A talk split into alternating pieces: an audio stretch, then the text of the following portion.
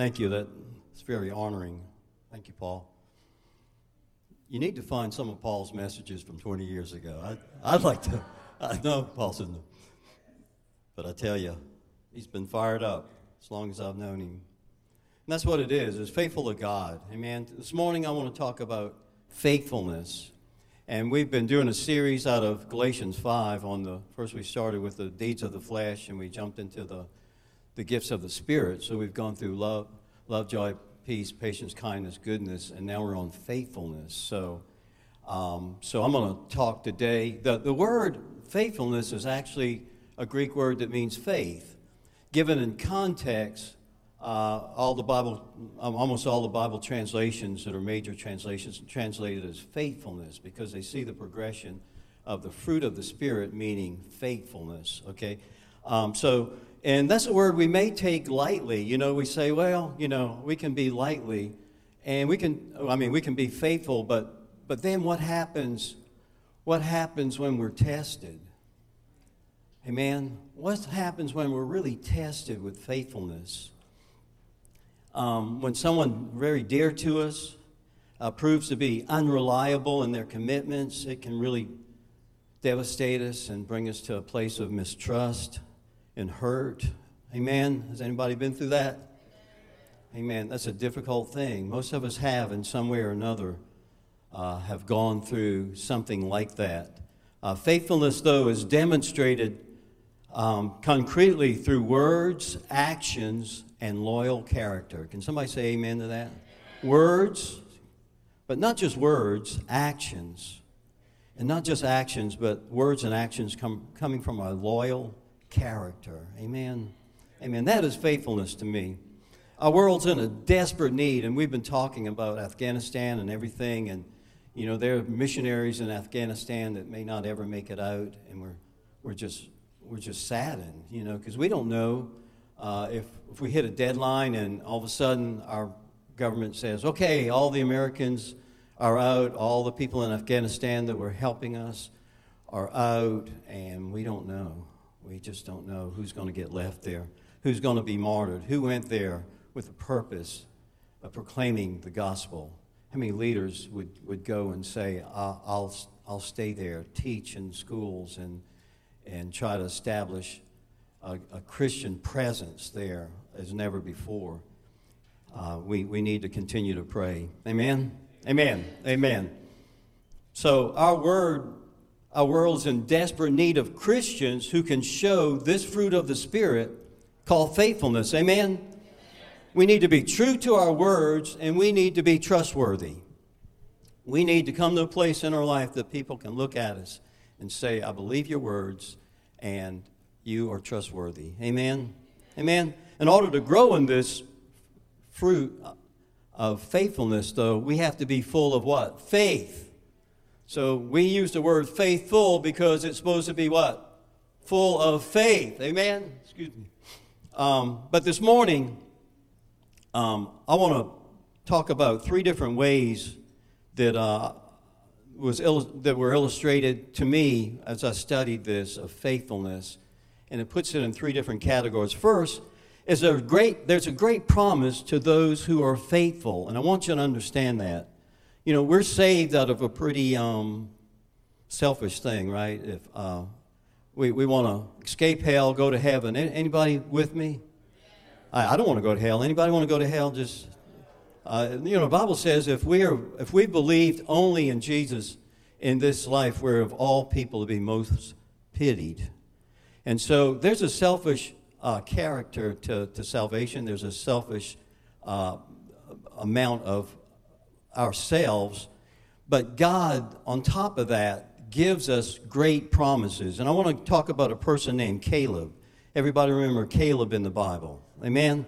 Now, Caleb, the Bible says that he was of a different spirit. Now, faithful people are of a different spirit. If you look at somebody that's faithful and you can look at that person and say, that is a faithful person to God, to the church, what can you say about them? They have a different spirit. There's a different spirit about them. Now, how many have seen people and you just notice there's a different spirit about them? They've set their face like flint, like the Bible says, to Jerusalem. They are going all the way with God. And that's what it takes to be faithful. That's what it takes to be faithful. Amen?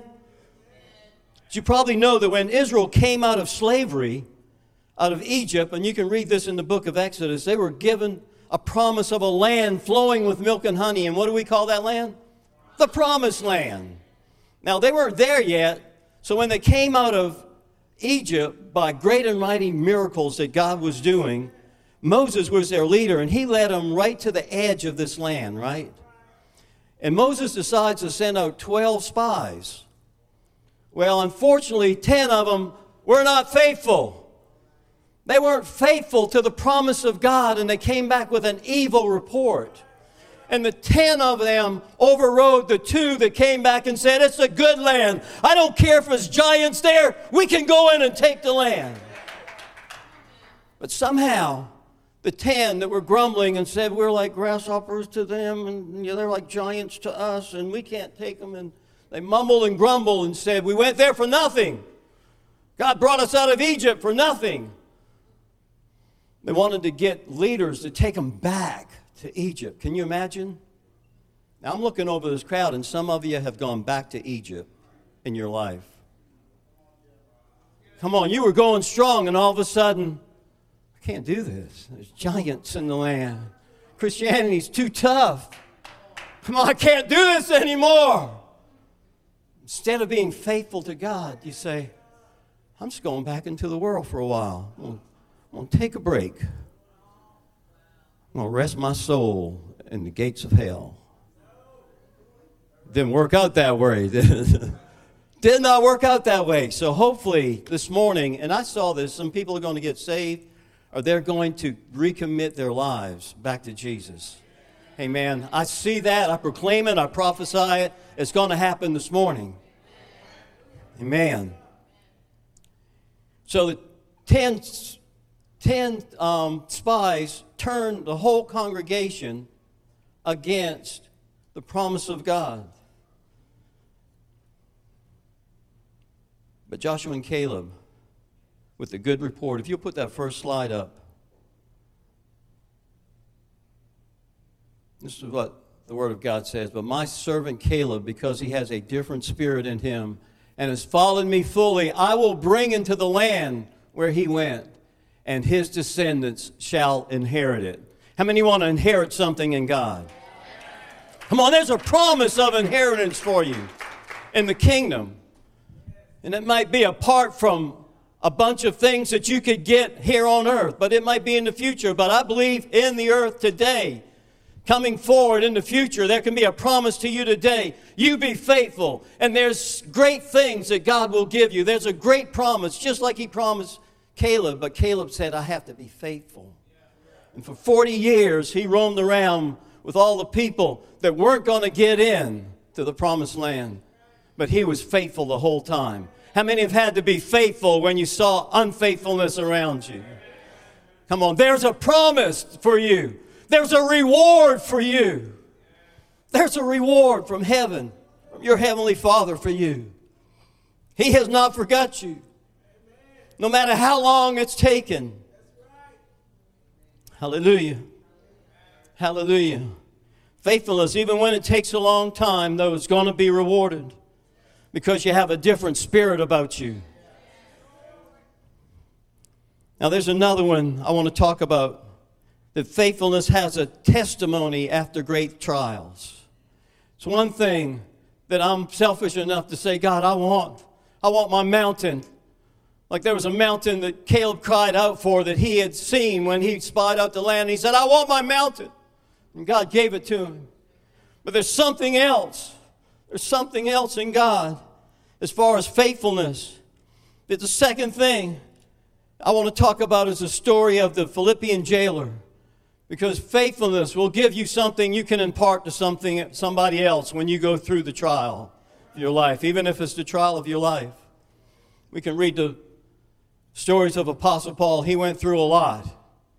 Many imprisonments and thrown into the deep and all that. But he's there with Silas, his traveling com- companion, and they cross over from Asia, and they cross over, and Paul gets this call to go in to another part, which is now the Greek Isles. And he goes to Philippi and he starts preaching and he sees a slave girl that he delivers from demons, and all of a sudden they grab Paul and Silas and they put him in prison. And he's in prison, and Paul and Silas, and they beat him, and they put him in stocks. And at midnight, they begin worshiping God. They began praising the Lord with songs, and they're, and they're praying. They were faithful to God, right? They were faithful in a, in a tough situation. And then all of a sudden, there was a great earthquake, and the doors of the prisons were all open. And the stocks came off everybody, and they were free to go. But nobody left. Instead, Paul and Silas took command of the situation, and they told the Philippian jailer, Don't worry, we're all here. Because they, they had more compassion for the Philippian jailer for their own life. Because the Philippian jailer would have probably gotten executed for having all his prisoners escape. But God sent this miracle. And the miracle made the jailer do what? He came to him. Now, obviously, they'd been preaching to him. He said, What must I do to be saved? What must I do to be saved? And we know that he and his whole household were saved because of the faithfulness of Paul and Silas in some of the most difficult uh, uh, situations you could be in. Amen. Others may marvel at the fruit of the Spirit coming up in your life called faithfulness, and they might want to see Jesus. Amen. So it's so important for Christians to have this great testimony of faithfulness to God, because who knows who's, li- who's looking? Who knows who is listening to you? Who knows who is watching whether you're faithful to God or not? And unfortunately, a lot of us at various times have not been faithful when it's time to be faithful. Amen? Come on. Can somebody raise their hand? Is that true? Am I speaking truth here? But I'm telling you, if you're faithful, you'll get a testimony that's going to deliver somebody else. I want to deliver somebody else in the same situation that I've been in because I've seen God's faithfulness. I've seen myself being faithful in situations and I've seen the faithfulness of God over, overtake me. I said, It was you, God. It was you. No matter what the circumstances. On, it's important for us to remain faithful to God and what God wants because others may marvel and may be in awe of us. It might not show on their face, but it's in their heart. How can that Christian do that? How can he say that? Why isn't he cussing up a storm like I am? People have gone through extreme tests and trials of faithfulness, haven't they? Especially in this season. But when we remain faithful, it allows us this opportunity to minister. And I don't, I don't want to miss it. If you put up the next slide. Blessed be the God and Father of our Lord Jesus Christ, the Father of mercies and the God of all comfort, who comforts us in all our tribulation, that we may be able to comfort those who are in any trouble with the comfort with which we ourselves are comforted, comforted by God. Amen? So here's the deal it is ultimately important for us to be faithful going through a trial. Because that's going to give us the wherewithal to minister to others. Amen. So it's not only something that we get the promise from God, the reward from God, but we get a testimony that we can minister to others. Amen. Isn't that a great God we serve? Amen. So we see that faithfulness rewards what? I mean, God rewards faithfulness, that faithfulness gives us opportunity to minister. But I want to look at a third one It's the life of Peter. Amen. Now we know Peter was this impetuous guy that just ran out there and in what he called faith and did a lot of things wrong. If you'll put up the next slide, please. So Jesus came to him and said, Simon, Simon, that was Peter. Indeed, Satan has asked for you that he may sift you as wheat. But I have prayed for you that your faith should not fail, and when you have returned to me, strengthen your brethren. Now, in the evening of Je- uh, before Jesus' crucifixion, that's when Jesus told Peter this. We know that Peter goes on three times to deny Jesus at the probably at the greatest need that Jesus had for faithful disciples. And when Peter does come back to Jesus, what do we see in Peter? He is the rock. He is the rock that Jesus prophesied that he would be when he returned. Amen? But he went through a lot, didn't he? So be encouraged that God has a plan for us. Even when we've not been faithful, he remains faithful because the scripture says he cannot deny himself. His name is faithful. He is faithful. When you say the word faithful, you're talking about God himself. He cannot deny that. So when we're not faithful, he remains faithful. Aren't you glad of that? Faithfulness is a fruit of the Spirit that we should never underestimate. If you'll put up that slide again, 2 Timothy 2:13. If we are faithless, he remains faithful.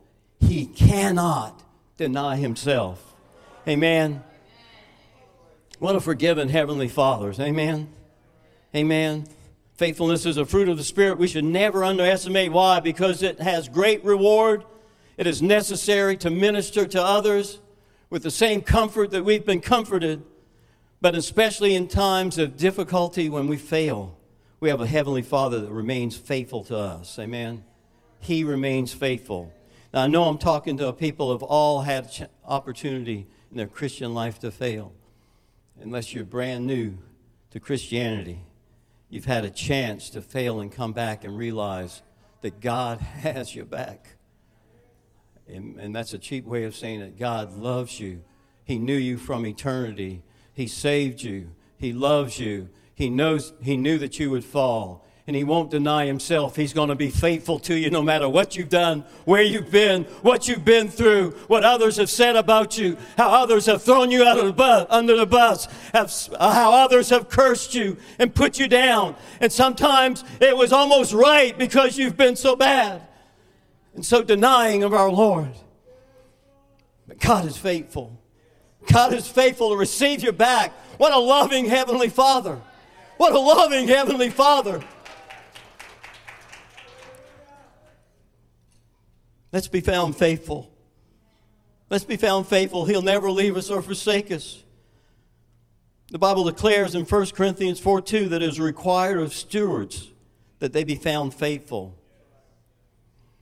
Well, if you hire a steward, you expect them to be faithful to take care of whatever they're supposed to take care of. And God's entrusted a lot with us. Amen. God has entrusted a lot. He's, he's entrusted being able to minister to others. He's been entrusted us to come back to Him when we've fallen. He's entrusted us to believe Him for all the promises that are yes and amen. Amen. Amen. And we have this great opportunity, as Scripture says, to be a faithful stewards, a faithful steward of the fruit of the Spirit, of the gifts of God, of the power of God, of the manifold wisdom of God. The manifold wisdom of God is entrusted to the church. All heaven is looking at you and wondering how smart God is for choosing you. Can we say He's smart in choosing us? Because He's faithful when we haven't been. Come on, He sees us when we're faithful and we're ministering to others. And He sees us when we're believing for the promise, even if it hasn't come yet. Amen? So come on, come on, church, let's be faithful. Let's be faithful. I have asked Sandra, where's Sandra? Can you come up? Huh? We're not going to do it? Okay. Uh, um, changing plans here. I just want everybody to just raise their hand right now. Say, God, there's been times I haven't been faithful. There's been times people have not been faithful to me. There have been times that I didn't know whether the promise would come to me or not. And on my knees, I've cried out, But something in me has said your words true, and I'm going to believe you to the end. I'll not forsake you, just like you won't forsake me. God, thank you for being such a faithful God. That your name is faithfulness, that you are faithfulness. You've given us all blessings of heaven to minister to others. If there's anybody right now that would say, I give my life back to you, Lord. Come on, give me my life. I've, I've walked this road of being unfaithful to you. But in this moment, I give it all back to you. Come you didn't die on the cross for nothing. You died on the cross for me. Come on, you, did, you didn't rise from the dead. You, you rose from the dead to justify me before all of heaven and say, I claim that soul. I claim that person. They're as if they had never sinned, if nothing had ever gone wrong. They're pure and holy when they come to me, and their sins are totally forgiven. And if you've not done this, just say, Lord Jesus, I receive you into my heart right now. Come, cleanse me, change me. Give me spiritual guts to be faithful to you and full of faith. I thank you, Lord, in Jesus' precious name. Come on, be, be faithful to your calling. Be faithful to the power that God has given you. Be faithful to your family. Be faithful to the family of God. Be faithful to the church that God has called you to be a part of. And be faithful to people out in the world that need Jesus. That when the time comes, you've got the word in your mouth that you can say it and the belief in your heart to deliver people. Amen. Amen.